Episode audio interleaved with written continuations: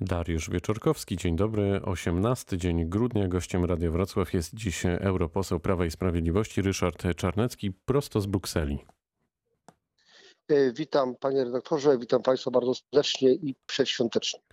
Rząd, panie pośle, ogłosił wczoraj kwarantannę. E, Czy to jest już twardy lockdown? Jest tak źle, czy, czy dmuchamy na zimne? Myślę, że przede wszystkim widzimy, co się dzieje u sąsiadów, którzy robią to samo, tyle że decyzje podjęli nawet wcześniej.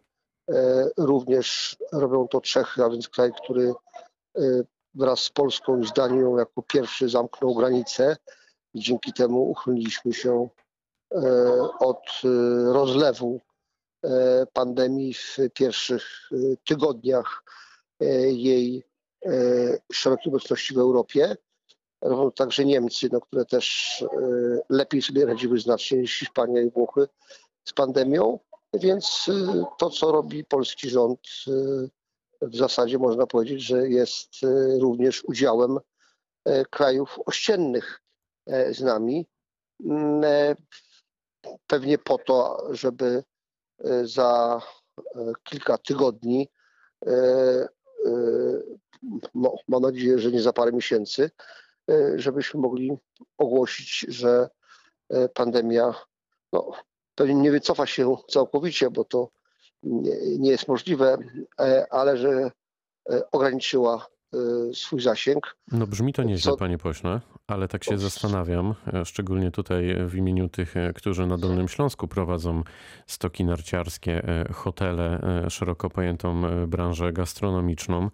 Jak im e, pomóc? e, Czy, czy rząd ma pomysł? Bo teoretycznie, no praktycznie też ogłaszane są kolejne programy, ale czy niedługo za tę pomoc czasem też nie zapłacą zwykli Polacy? No bo przecież e, rząd nie ma swoich pieniędzy.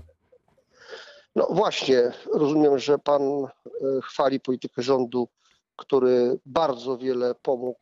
Ja pytam, panie pośle, ja, ja tu jestem od zadawania pytań.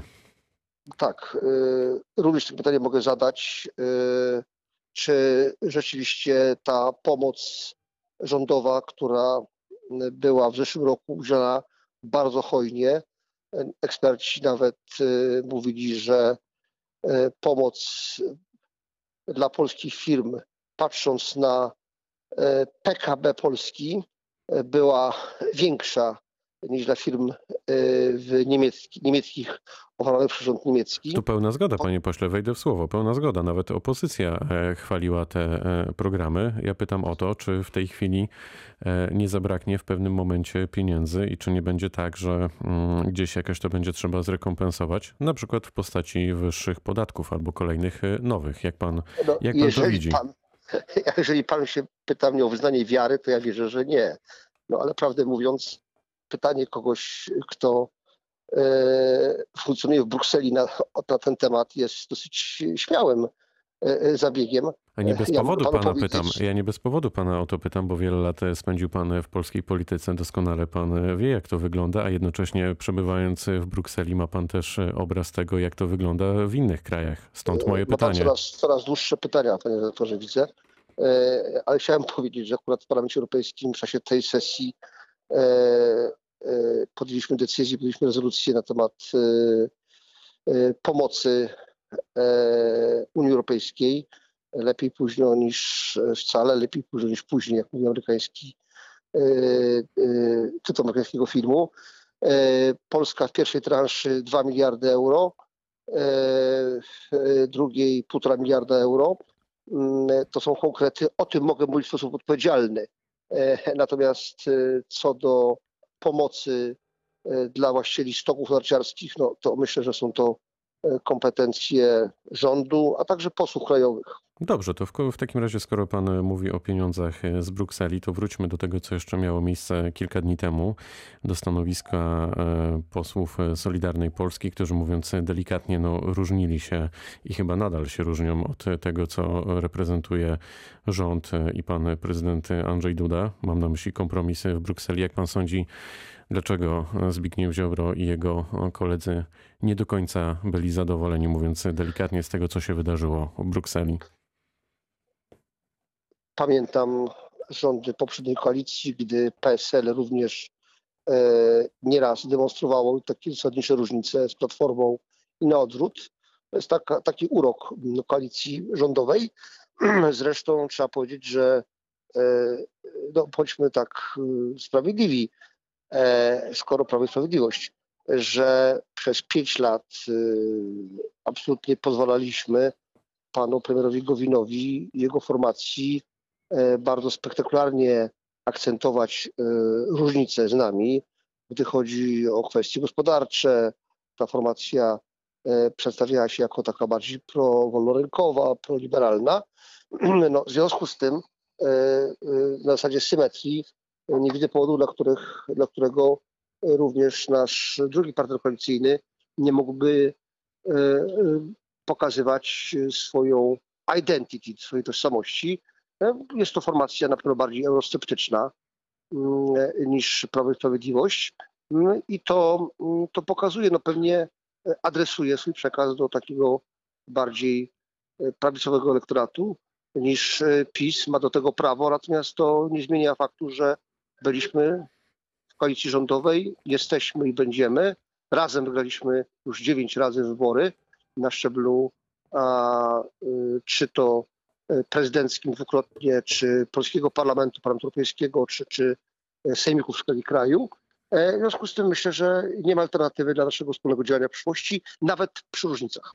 A postawiłby pan większe pieniądze na to, że Zjednoczona Prawica będzie rządzić do kolejnych planowanych za trzy lata wyborów?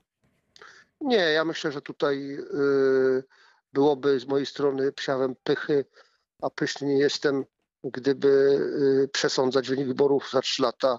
Polacy rozstrzygną, ocenią nasze rządy i ocenią również jakość póki co bardzo podzielonej opozycji.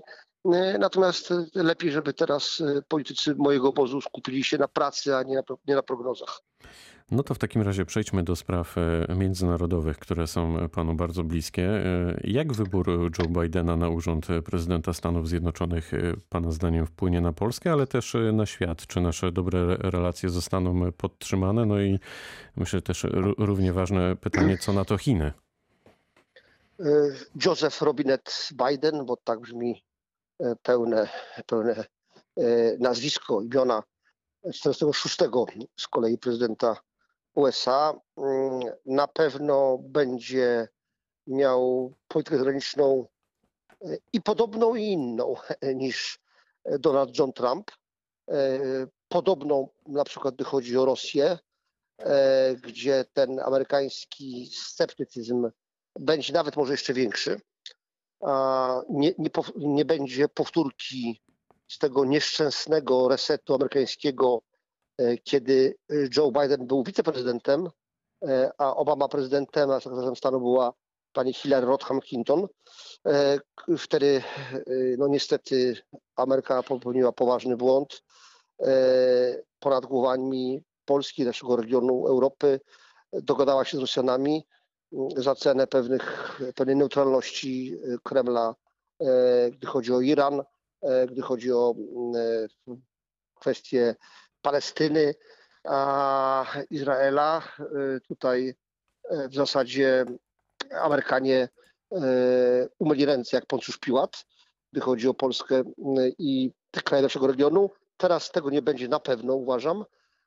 Nie ma co Bidenem straszyć pod tym względem, natomiast myślę, że będzie inny stosunek administracji amerykańskiej, uwaga, i do Unii Europejskiej, zapewne też do Niemiec.